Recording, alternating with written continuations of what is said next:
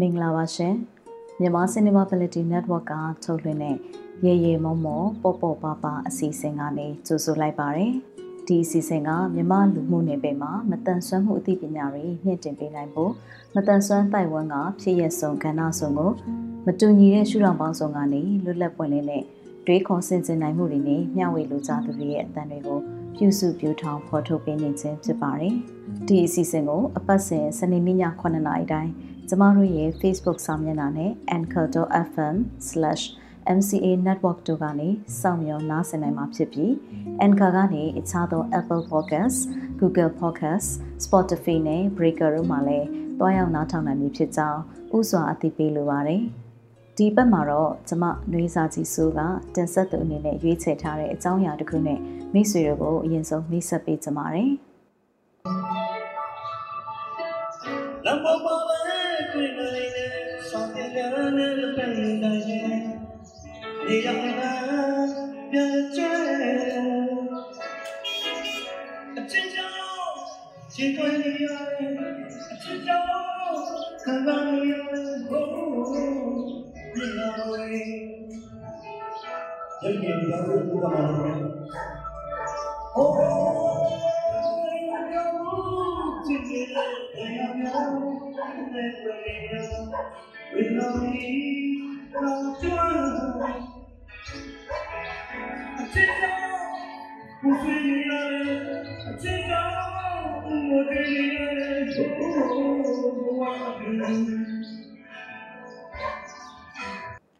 ဟုတ်ပါတယ်မိတ်ဆွေကျမတို့နေထိုင်တဲ့ပတ်ဝန်းကျင်တစ်ဝိုင်းမှာမကြာခဏဆိုလို လမ်းပေါ်ကသချင်းတွေရဲ့ချိုသားတဲ့တီဆိုသံတွေကိုကြားလိရှိပါတယ်ဒီမှာသချင်းတွေဆိုတဲ့စကားလုံးလေးကိုအရင်ဆုံးမိတ်ဆက်ပေးချင်ပါတယ်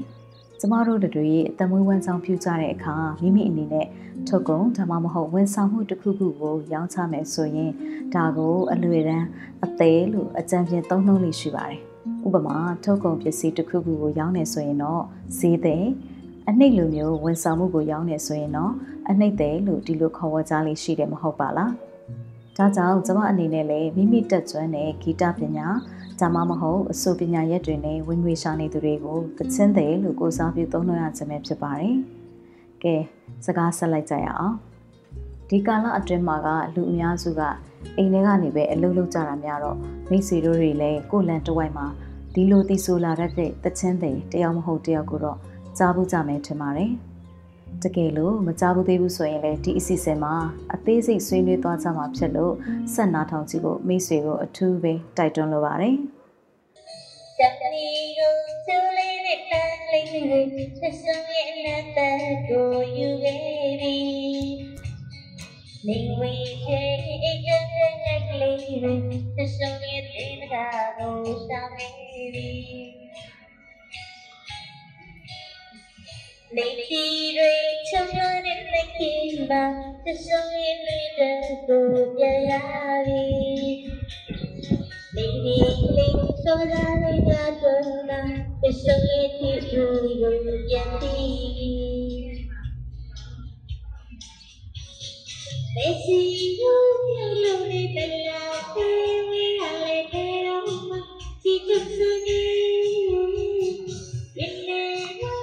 သစုံရင်းဒီကိုပြန်တီမေစီယူယူလို့နေတဲ့လာသေးဝေးရလေတဲ့တော့မှဒီချစ်စုနေ don't mind the nada တကလေးကျမကတော့သူတို့အတန်တဲ့တဲ့လေးစကြားကလေးကအိမ်ရှိဝရဏကိုပြေးထွက်ပြီးကိုမျက်စိကအဆိုရှင်ပေါ်လာမဲ့လမ်းမတနေရာကိုအာယုံဆိုင်နာထောင်ရင်စောင့်ကြည့်နေတတ်ပါတယ်။ဘာလို့လဲဆိုတော့လေကျမငငယ်ကလေးကအဆိုတော်သိပ်ဖြစ်ချင်ခဲ့တာ။ ကျမအသက်20ကျော်လောက်မှာဂီတအစည်းအရုံးမှာသွားပြီးတော့အဆိုသင်တန်းတက်ခဲ့တယ်ပေါ့နော်။အဲ့ဒီခေတ်တုန်းကဂီတအစည်းအရုံးဥက္ကဋ္ဌကအကော်ရီယံဦးုံကျော်ပါ။ကျမတို့ကိုအဆိုတော်တာယာရဲ့အဖေပေါ့နော်အခုဆိုရင်တော့သူကဆုံးသွားပြီပေါ့အဆိုတော်တာယာရဲ့အဖေရဲဘော်ခင်မောင်လားဆိုတဲ့ဆရာကြီးကနေပြီးတော့ဘာဂျာလေးတွေပလွေလေးတွေနဲ့ကျမတို့ကိုဂျိုရီမီဖာသင်ပေးပါတယ်အဲ့ဒီတော့ကအဆိုတော်ဖြစ်ချင်လို့လို့သာသွားတက်တာဘာမှမမေရဲရလေးလာထားတယ်ကျမမှမရှိဘူး အဲ့တော့ဆရာကြီးကကျမကိုဂျိုရီမီဖာတောင်းပေးတဲ့အခါမှာသူကဘာဂျာလေးမှုတ်ပြီးတော့ကျမကလိုက်ဆိုတယ်ပေါ့နော်ဂျိုရီမီဖာဆိုဆိုလောက်အထိကျမရသေးတယ်လာတီဒိုလဲကြတော့ကျမတန်နေပြတက်သွားတယ်အဲ့ဒီမှာဆရာကြီးကအော်စဆိုကစားပဲလေးဆိုပြီးတော့တစ်ခေါက်ထပ်ကျင်ပေးတယ်ကျမတန်မရအောင်ပြတက်သွားတယ်နောက်တစ်ခါကျင်ပေးတယ်ဆရာကြီးခုနှစ်ခေါက်လောက်ကျင်ပေးပြီးတဲ့အခါမှာတော့သူလက်လျှော့သွားပုံရတယ် ကဲသမီးရဲ့စိုးမနေပါနဲ့တော့ဆိုပြီးသူပြောတာလေးကျမခုချိန်ထိမှတ်မိသေးတယ်ကျမလည်းတော်တော်ရှက်သွားတယ်ပေါ့နော်ကျန်တဲ့အတန်းဘော်တွေကစိုးနိုင်ကြတယ်ကျမကျမဒီလိုဖြစ်တယ်ဆိုပြီးတော့ကျမကိုအတန်ကိုတော်တော်အထင်ကြီးထားတာလीအဲ့တော့ဒီလိုဖြစ်တယ်ဆိုတော့တော်တော်လေးလေးခံစားခဲ့ရတယ်ဒါပေမဲ့ကျမလက်မလျှော့အဲ့မှာတင်နန်းဆုံးတဲ့အထိကျမတက်တယ်ပေါ့နော် ဒါပေမဲ့ကျမအခုချိန်ထိပချင်းဆိုတာဝါသနာပါတယ်ကာရာအိုကေဆိုရင်လည်းလက်မလွတ်တန်းဆိုခြင်းတယ်အများရှိမှဆိုရင်တော့ဆိုရမှနည်းနည်းရှက်တယ်ပေါ့နော်တော်ရုံတန်ရုံတော့အိမ်ထဲမှာပဲမိုက်ခဲလုပ်ပါတော့တယ်နောက်အသက်30ကျော်ကြာမှကျမဒီအတန်နဲ့ပြန်ပြီးတော့နည်းနည်းအကျိုးပေးလာတယ်အဲ့ဒါမှလည်းဆိုတော့ကျမတို့လုပ်ခဲ့တဲ့ဒီမြန်မာနိုင်ငံမတန်ဆွမ်းသူများရှေ့ဆောင်အဖွဲ့မှာအဲရေဒီယိုအစီအစဉ်တစ်ခုလုပ်မယ်ဆိုပြီးတော့2012ခုနှစ်မှာစပြုတဲ့အခါမှာတော့ကျမအိမ်မှာ ရေဒီယိုအစီအစဉ်ဆိုတာကိုငကိုတော့ကတော့မှသိစိတ်ပါဝင်စားစွာနဲ့နားထောင်ခဲ့တာမဟုတ်ပေမဲ့ကျမအနေနဲ့နှစ်ဖူးတွေတူးတွေစပြီးလုပ်ရမယ်ဆိုတဲ့ချိန်မှာကျမရှာကြံပြီးတော့အခမဲ့ရတဲ့တင်နန်းတွေတက်တယ်ပေါ့နော်အဲ့ဒီတော့ဆိုရင်အရန်ကောင်းပါတယ်2012-13တဝိုက်ကဆိုရင်ကျမတို့နိုင်ငံမှာဒီ Polish Aid တို့ဘာလို့ပေါ့နော်နိုင်ငံတကာကနေပြီးတော့မှလာတဲ့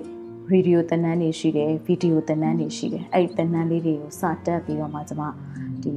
ဤပညာရက်တွေကိုစပြီးတော့သင်ယူရတာပေါ့နော်ဒီမှာကျတော့လည်းအခက်အခဲရှိပါတယ်။ဘာလဲဆိုတော့အတန်သွင်းတဲ့အခါမှာကျမတို့ကအတန်နဲ့ပတ်သက်တဲ့ရှာလေးကျင်ငန်းပါဇက်လေးကျင်ငန်းအစာအသောက်ဒါတွေမစင်ကျင်တဲ့အခါကျတော့အတန်ကတော်တော်နဲ့ပုံမလာဘူးခုထိလဲဆင်ကျင်လို့ပြောနေရတာမဟုတ်ပါဘူး။ဘာလို့လဲဆိုတော့အတန်ကိုဘယ်လိုထိမ့်သိမ်းရမလဲဆိုတာမသိခဲ့လို့ပေါ့နော်။ အဲ့တော့အတန်ထိမ့်သိမ်းတဲ့နည်းတွေအထူးသဖြင့်အတန်သွင်းတဲ့အခါမှာအနှောက်အယှက်မဖြစ်အောင်စောင်းရံရှောင်းရံတွေကိုသိချလေ့လာပြီးတော့မှကျမတို့ကိုယ်တိုင်တင်ဆက်သူဖြစ်နေစပြီးလုပ်ခဲ့ရတယ်ပေါ့နော်။စလုပ်ခါစားတော့ယုံကြည်ချက်မရှိခဲ့ဘူး။ပြီးလို့ရှိရင်အမြဲတမ်းစိုးရိမ်နေခဲ့တယ်။မှားမှောင်ပေါ့နော်။တန်ရှင်ကလည်းအရန်များတယ်စာကြည့်ဖတ်ရတာပဲဖြစ်ဖြစ်ပါဖြစ်ဖြစ်ကျွန်တော်ကစာဖတ်တဲ့အတန်ပေါက်နေတယ်ပေါ့စကားပြောတဲ့အတန်တော့ပေါက်ဘူးပေါ့အဲဒါကြောင့်မလို့နောက်ပိုင်းမှာတော့ကျွန်မဒါတွေကို တော်တော်လေးလေ့အကျင့်ကောင်းကောင်းမီလီရေဒီယိုအစီအစဉ်မှာလုပ်ရင်းကနေရခဲ့တယ်ပေါ့နော်အဲဒီကနေပဲနောက်ပိုင်းကျွန်မ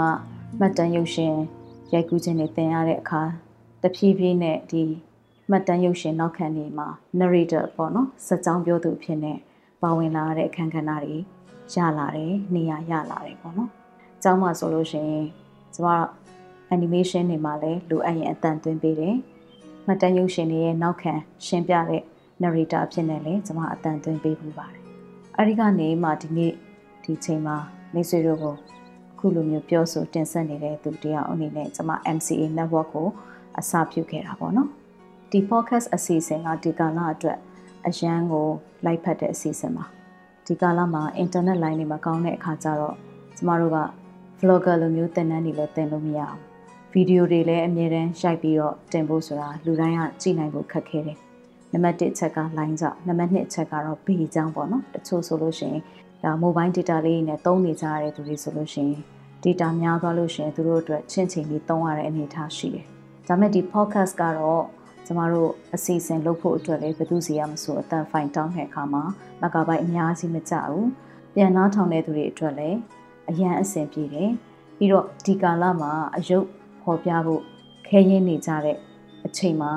အတန်နဲ့ ပြောဆိုတင်ဆက်ရတာပိုပြီးလွတ်လပ်ပေါ်ပါတယ်လို့ကျမတို့ခံစားမိတယ်။ဒါကြောင့်မလို့ဒီ podcast အစီအစဉ်လေးတွေကိုကျမတို့အစပြုခဲ့တာပါ။ကဲကျမလည်းစကားတော်ရှိသွားပြီဆိုတော့လူရင်းကိုပြန်သွားရအောင်နော်။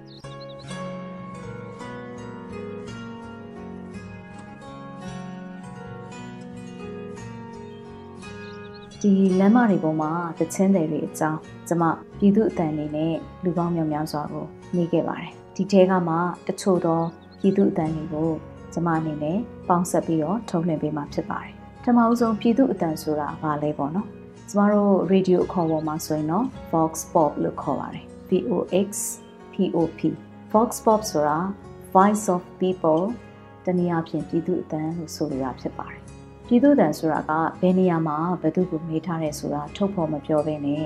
အလွှာဆုံးကကြပန်းကြုံရလူအစုံကိုသတ်မှတ်ထားတဲ့မိခွန်း သုံးခုနဲ့မေးမြန်းပြီးတော့မတူညီတဲ့သူတို့ရဲ့လူတူရှင်းအဖြေတွေကိုပြန်လည်စုစည်းပြီးတော့တင်ဆက်ထားတဲ့သဘောပဲဖြစ်ပါတယ်။ကဲနောက်ထောင်ကြည့်လိုက်ရအောင်နော်။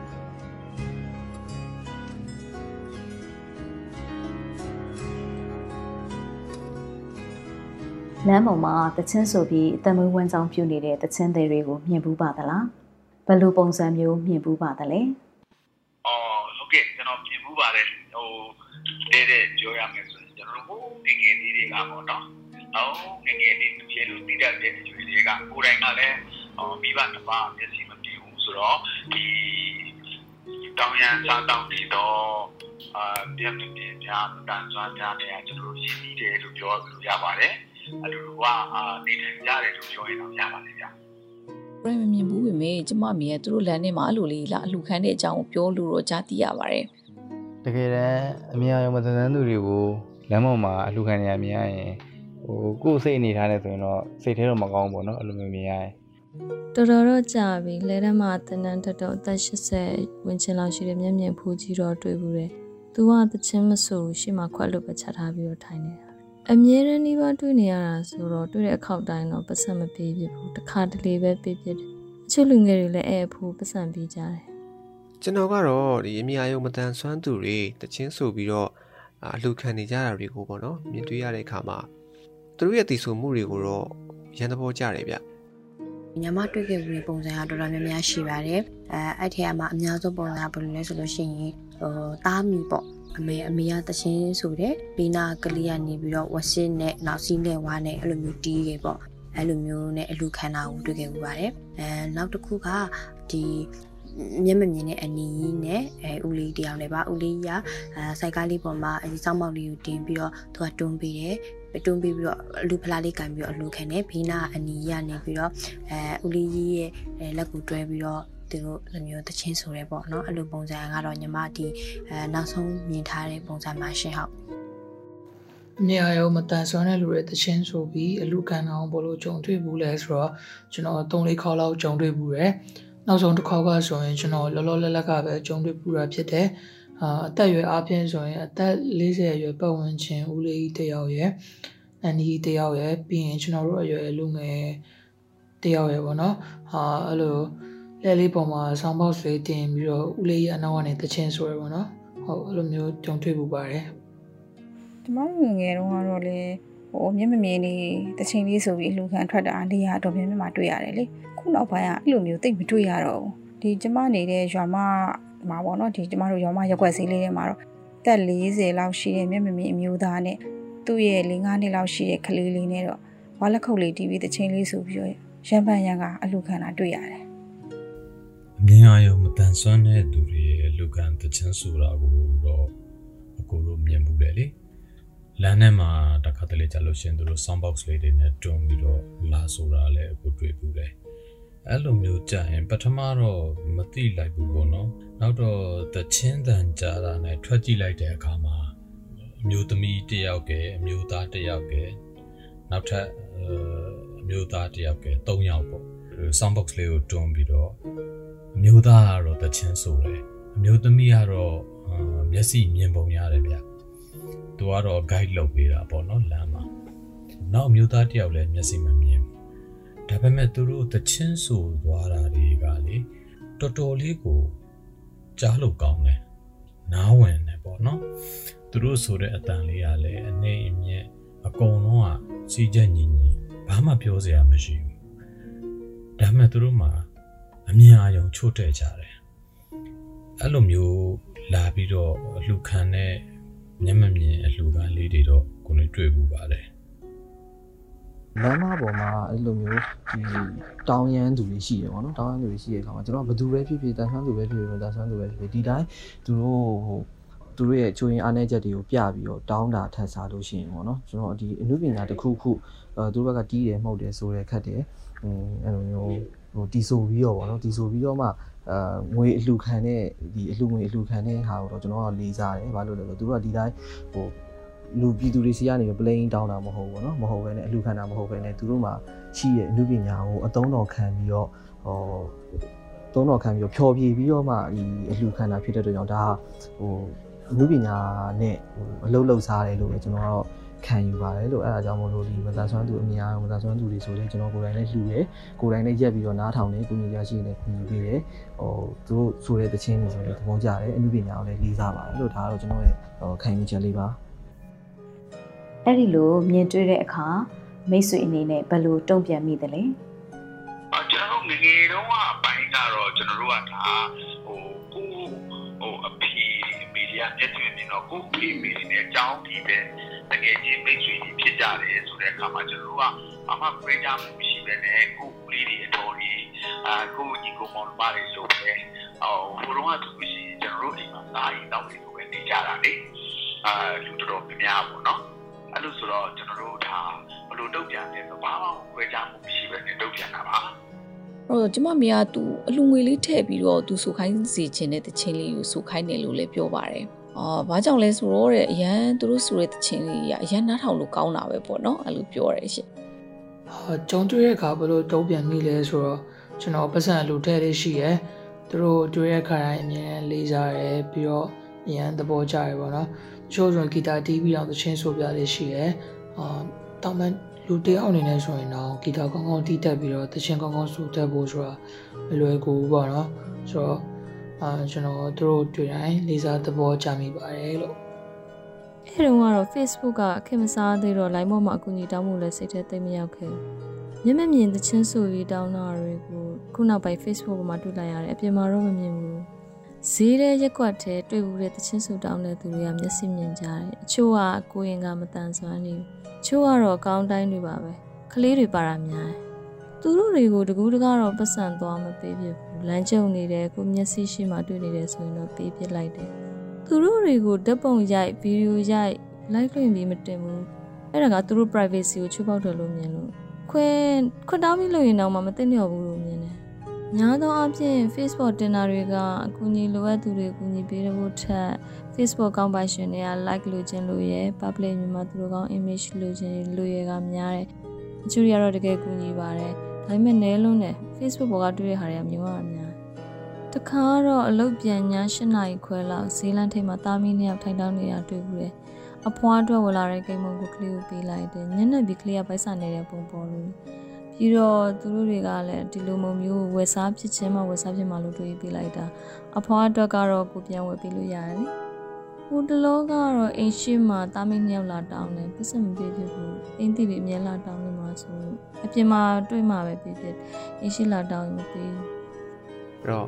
ဟိုတခါလီမှာဆိုရင်လည်းဒါသဘောကျလို့ပေါ့နော်အလူငွေလေးပါလေးလည်းထည့်ပြတယ်ပြီးတော့သူဆိုနေတီးနေရတွေကိုလည်းဒါရက်ပြီးတော့နားထောင်ပြတယ် တကယ်ပဲသူတို့ဆိုတာတီးရတွေကိုလည်းအရင်သဘောကျတယ်ဒါပေမဲ့အဲဒီလိုအရေးချင်းရှိတဲ့သူတွေဒီလိုသွားလာပြီးတော့ဟိုအလူခံနေတာပေါ့နော်တစ်ဖက်ကကြည့်ပြန်ရင်လည်းမျက်မျောတယ်လို့တော့ဖြစ်မိတယ်ဗျအာညီမများတော့အဖင်ပေါ့နော်အဲအဲ့လိုမျိုးတွေ့ရတဲ့အခါညီမအလူငွေထည့်ခဲ့ပါတယ်အဲအလူငွေလည်းထည့်တယ်ပြီးလို့ရှိရင်သူတို့သချင်းဆိုတာကိုလည်းအဲ့လိုတခြားလေးနားထောင်ခဲ့ပြီးတော့အဲ့လိုမျိုးတုံ့ပြန်ခဲ့ပါတယ်ဟုတ်အဲ့လိုမြင်တဲ့အခါမှာအကူအနေနဲ့ဘယ်လိုတုံ့ပြန်မိလဲဆိုတော့အ ကူချက်ချင်းပဲကိုနိုင်တဲ့အလူငွေလေးထည့်ဖို့ဆိုပြီးတော့ကိုချက်ချင်းပြေးဆင်းလိုက်သွားတယ်ပြေးဆင်းလိုက်သွားတော့လမ်းထိပ်လောက်မှာသူတို့တော့မိတယ်မိတဲ့အခါကျတော့ကိုအလူငွေလေးထည့်ပြီးတော့ကိုသူတို့ကူညီပေးခဲ့တယ်ပေါ့နော်အကိုကအကျင့်တစ်ခုရှိတယ်ပေါ့ဘာအလှပဲလူလူအကိုနာမည်လဲထည့်ပြောလို့မရှိဘူးလို့သူတို့လှူတဲ့အတွက်လည်းအကိုဘာမှဗီဒီယိုတွေရိုက်တာတို့ Facebook ပေါ်တင်တာတို့ကိုဒါမျိုးတွေမလုပ် ဘာလို့မလုပ်ဘူးလဲဆိုတော့သူတို့ကိုလည်းလေးစားရမယ်လေသူတို့ကဘာမှသိတာမဟုတ်ဘူးဒီအမြင်အာရုံမိုင်းဆိုင်ရာချုပ်တဲ့တဲ့အတွက်ကြောင့်မလို့သူတို့ကိုဗီဒီယိုရိုက်တာလည်းသူတို့မသိဘူး Facebook ပေါ်တင်တာလည်းကိုသူတို့မသိဘူးအကယ်၍များအကိုကသူတို့ကိုလှူတာကို Facebook ပေါ်ရိုက်ပြီးတော့ဗီဒီယိုရိုက်ပြီးတင်လိုက်မယ်ဆိုလို့ရှိရင်အကိုမတရားရကြမယ်လေအကိုအနေနဲ့လူမှုကျင့်ဝတ်တစ်ခုဖောက်ပြတယ်လို့ခံစားရတယ်အဲဒါကြောင့်မလို့ ဟိုစိတ်ထဲကနေပဲသူတို့ကိုလေးစားတဲ့စိတ်သူတို့ကိုလူချင်းတဲ့စိတ်နဲ့တည်တံ့တစ်ခုနဲ့ပဲကိုလူပြခဲ့တယ်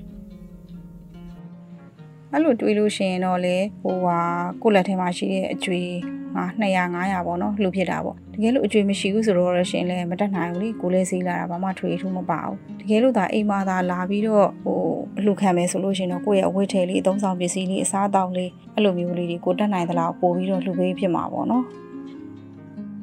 ဘာကြောင့်အဲ့ဒီလိုတုံ့ပြန်ဖြစ်တယ်လို့ထင်ပါသလဲကျွန်တော်ရှိမှတွေးခဲ့ရင်လည်းတက်နိုင်သလောက်အလူငွေထဲဝင်ပြမှာပါ။ဘာဖြစ်လို့လဲဆိုတော့တာမန်လူတွေတောင်လောက်ဖို့မလိုတဲ့အမှုပညာကိုအမြင်အာရုံမတန်ဆွမ်းပြီးမှစူးစမ်းလေ့ကျင့်သင်ယူပြီးအဲ့ဒီအတတ်ပညာလေးနဲ့လူတွေကိုဖျော်ဖြေပြီးပတ်စံရှာခြင်းဟာတခုခုပေးဆက်ပြီးမှရတာဖြစ်လို့အင်မတန်မှဖြူစင်တတ်ရှင်းတယ်လို့မြင်မိပါတယ်။အဲ့တော့ဘဝကိုအရှုံးမပေးပဲစူးစမ်းရုန်းကန်နေကြတဲ့မတန်ဆွမ်းကြီးကိုတွေရောအမြင်အာရုံမတန်ဆွမ်းသူတွေရော မုံမြတ်တဲ့စိတ်ထားလေးတွေကိုလေးစားမိပါတယ်လို့ပြောချင်ပါတယ်။အားလုံးပဲ fighting ပါအဲ့တော့ကျမစိတ်ထဲမှာဟိုဘာပဲဖြစ်ဖြစ်သူတို့လေးတွေကမတန်မီမဲ့စွမ်းလိုက်တာပေါ့နော်သူတို့နိုင်တဲ့ဝန်ကိုသူတို့ရဲ့စွမ်းနဲ့တက်စွမ်းတဲ့အမှုပညာနဲ့ထမ်းနေတယ်လို့ကျမမြင်တာပဲရှင်ဘာလို့လဲဆိုတော့သွားရေးလာရေးခက်ခဲအခက်ခဲတွေကြားကနေလုပ်နေရတာကိုအဲဒါပေမဲ့လည်းဘယ်လိုပြောရမလဲကိုယ့်အနေနဲ့လည်းဘာမှထူးထူးရမတတ်နိုင်ပြီးတော့ဟို အခြားကူညီနိုင်မဲ့အဖွဲ့အစည်းတွေကလည်းလောလောလတ်မရှိတဲ့အခါမျိုးမှာအဲ့လိုမျိုးဟိုသူတို့ကိုယ်တိုင်သူတို့တက်ကြတဲ့ပညာရေးတစ်ခုအသုံးချပြီးတော့အလူကန်နဲ့ပဲပြောပြောပတ်စံရှာတယ်ပဲပေါ့နော်အဲ့လိုမျိုးလုပ်နေတာကဒီလိုမျိုးဘာမှမလုပ်ပဲဟိုအများအောင်မတန်ဆန်းမှုလို့ငုတ်တို့ကြီးထိုင်သူများထောက်ပံ့နေတာကိုစောင့်နေတဲ့ဆိုင်တော့ဟိုအစီအမင်မယ်လို့တော့မြင်တယ်ပေါ့နော်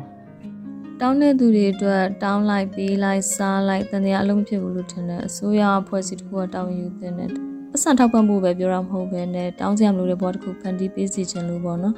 ခုနှစ်ပေးတာလည်းအဲ့ဒီအတွက်ပဲမလားအဲတကယ်တမ်းသူတို့ဒီကောင်းကောင်းဖြော်ပြနိုင်မယ်ပေါ့နော်နေရာလေးတစ်နေရာလောက်အစီအစဉ်ပေးနိုင်တော့ဟိုသူတို့ရဲ့ဒီအလောက်ကန်အခက်အခဲအတွက်တော့အဆင်ပြေမယ်လို့ထင်တယ်အဲ ဥပမာဟို unplug ဖြော်ပြမှုတွေရှိတဲ့ဘားတွေအဲ coffee ဆိုင်တွေပေါ့နော်ဟိုဒါမှမဟုတ်လို့ရှရင်လဲဒီပွဲစီစဉ်ပေးတာမျိုးလေးတွေပေါ့နော်အဲ့တော့ဒါမျိုးလေးပေါ့အဲ့တော့သူတို့လည်းအရန်ဒါဟိုခက်ခဲလို့ဒါဟိုအခုလို့လောက်ရတာဖြစ်မှာပါပြီးတော့ဟိုသူတို့တက်ကြွတဲ့ဒါအမှုပညာကိုရင်းတည်ပြီးတော့မှဝင်ငွေရှာတဲ့သဘောလေးဖြစ်တယ်ပေါ့နော်အဲ့တော့ဟိုပြောင်းမှုတွေက အာပြောင်းမှုရောက်ပြီးတော့ဝင်ငွေရှာတယ်လို့ပဲတချင်းဆိုတတ်တဲ့သူကဒါတချင်းဆိုပြီးဝင်ငွေရှာတာဟာလဲအာကျွန်တော်အနေနဲ့ကတော့ဒါတမအာဇီဝကြတယ်လို့မြင်ပါတယ်ဘာလို့အဲ့လိုမျိုးထုံးပြန်ခဲ့တယ်ဆိုလို့ရှိရင်ပေါ့ညီမကဒီဒီသူတို့ရဲ့ပေါ့ဒီပါရမီပါတဲ့ဒီထူးချွန်တဲ့အတန်ကိုညီမသဘောကျတယ်ပြီးလို့ရှိရင်သူတို့ကိုလည်းချီးကျူးတဲ့အတွက်ကြောင့်ညီမအနေနဲ့လူငွေလှုပ်ခဲ့ခြင်းဖြစ်ပါတယ်ရှင်ဟုတ်သူတို့ကိုဘာကြောင့်လှူတာလဲဆိုတော့သူတို့တွေက အမြန်အယုံချို့တဲ့နေတဲ့လူတွေလေအဲသူတို့နေရာမှာအကိုတို့ခဏလေးပဲဝင်ခံစားကြည့်လိုက်မျက်စိခဏလေးပဲမှိတ်ပြီးတော့လမ်းလျှောက်ကြည့်လိုက်ဘလုံးမအစင်မပြေနိုင်ဘူးနားမကြားတာကတော်သေးတယ်ပေမဲ့အမြင်အာရုံချို့တဲ့တာကြတော့အမှောင်ထဲမှာသူတို့ကဘာမှမသိရှာဘူးလေဒါပေမဲ့သူတို့မှရှိနေတဲ့အတန်လေးနဲ့အများသူငါတွေ ပျော်ရွှင်အောင်နားခံတာအောင်ပျော်ရွှင်အောင်သူတို့မှရှိတဲ့ဟာလေးနဲ့သူတို့ဖြော်ပြပြီးတော့သူတို့အလှခံသွားတာဒါမျိုးကိုတော့ကိုလိုလက်ခံလို့ရတယ်ဒါမျိုးကိုလည်းကိုလိုပေးတဲ့နဲ့ဘာဖြစ်လို့လဲဆိုတော့သူတို့မှာကအများနဲ့မတူတဲ့ခံစားချက်ကြီးတွေသူတို့မှာအများကြီးရှိနိုင်တယ်လေကိုဆိုလဲသူတို့နေရာမှာဆိုလို့ရှိရင်ဒီဒီတက်တောင်ခြင်းတွေဆိုသွားမယ်သူတို့လိုတော့ အကိုလိုရက်တည်နိုင်ဖို့ဆိုတာမလွယ်ဘူးအဲဒါကြောင့်မလို့ဒီလိုမျက်မမြင်အလူခံလေးတွေတွေ့လို့ရှိရင်ကိုအများနဲ့လူပြစ်ပါတယ်နောက်တစ်ခုကဘာသာလူမျိုးမခွဲခြားဘူး Christmas ကာလဆိုလို့ရှိရင်လည်း kerosene လာတဲ့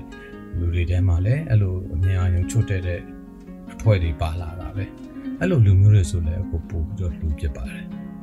ကိုနဲ့ကြုံလို့ရှိရင်ပေါ့လေဘာသာလူမျိုးခွဲခြားမှုတော့မရှိပါဘူးဒါပေမဲ့သူတို့တီးတန့်ကို လူတယောက်ရဲ့လို့ကိုယ်စိတ်ထဲမှာခံစားရတယ်ကိုချင်းစားတယ်အဲ့ဒါကြောင့်မလို့ကိုလူပြစ်တာပါတမွေးဝမ်းချောင်းပညာကလည်းတက်ထားမှလေးအဆင်ပြေပါလေခြေလက်အင်္ဂါကောင်းတဲ့လူတော်မှတမွေးဝမ်းချောင်းပညာမတက်လို့ရှိရင်အဆင်မပြေဘူးအဲ့တော့သူတို့လိုမျက်မမြင်ဒုက္ခိတတယောက်အနေနဲ့တမွေးဝမ်းချောင်းပညာမတက်တဲ့အခါကျတော့ပို့ပြီးတော့ဒုက္ခရောက်မယ်ဆိုတော့ကိုချင်းလဲစားတယ်တနာလဲတနာပါတယ် အဲဒီလိုကတော့ဒီလိုပြကျွန်တော်တို့ကမြဲမမြင်ဒါစုကနေကြီးပြင်းလာသလိုမျက်မမြင်ဒီအများစုနေတဲ့ဒီရက်ွက်ပေါ့နော်စိတ်ပီစီမျက်မမြင်ကြောင်းမှာလည်းကျွန်တော်တို့ကိုယ်တိုင်ကြီးလာတာပေါ့အသက်9နှစ်အထိလေဆိုတဲ့အခါကျတော့ဒါတိတိကျကျတော့မစိမ့်ဘူးဆိုတဲ့သဘောပါတစ်ချက်ကတော့ကျွန်တော်တို့ကြီးပြင်းလာတဲ့အခါမှာလေကျွန်တော်တို့ကအာဒီကျွန်တော်တို့ ਨੇ တည်အခုနောက်ဆုံးပေါ့နော်နောက်ဆုံးကျွန်တော် နှုတ်ဆက်တဲ့ဦးလေးတယောက်ဆိုရင်ဂျုံကုန်းပူတာမှာသူမယ်ဒလင်လေးနဲ့တောင်းစားနေတာတွေ့တယ်ကျွန်တော်ကကားနဲ့ပြန်သွားတယ်ဆိုတော့ကျွန်တော်ကားပေါ်မှာအေးအေးပါတယ်ပါတဲ့အခါကျတော့ကျွန်တော်ကအဲပို့စရာရှိတဲ့နေရာအကြောင်းကိုကျွန်တော်သွားလိုက်ပြီးတော့မှကျွန်တော်နောက်ကျောင်းပြန်လည်လာပြီးတော့အဲတမင်တကာကိုအတူတူကသွားပြီးတော့မိုးရင်းကားတိုင်မှာသူကျွေးပြီးတော့ကျွန်တော်စားပြီးတော့အခုတော့သူဆုံးသွားပါပြီတောင်းလေးလို့ခေါ်ပါတယ်အဲဆိုတော့ကျွန်တော်တို့အတွက်ကဒီဟို ဟိုဒီလေဘာမှရှက်စရာကြောက်စရာအာခွဲခြားစရာမလိုပဲねကျွန်တော်နားလည်နေတယ်သူတို့လေအဲနားလည်နေတယ်သူတို့ဘာကြောင့်ဒီလိုမျိုးလောက်ကင်စားတော့ရလဲသူတို့ဟိုကျွန်တော်တို့တတိယပြပြောမယ်ဆိုကျွန်တော်တို့ရဲ့အဲဒီအားလုံးဟာဒီနေ့ဒီကိုသူတို့ကိုအာသူတို့ကိုမာစားနိုင်တဲ့အခြေအနေတစ်ခုကိုတုံးပို့နိုင်တဲ့အခြေအနေကမရခဲ့ဘူး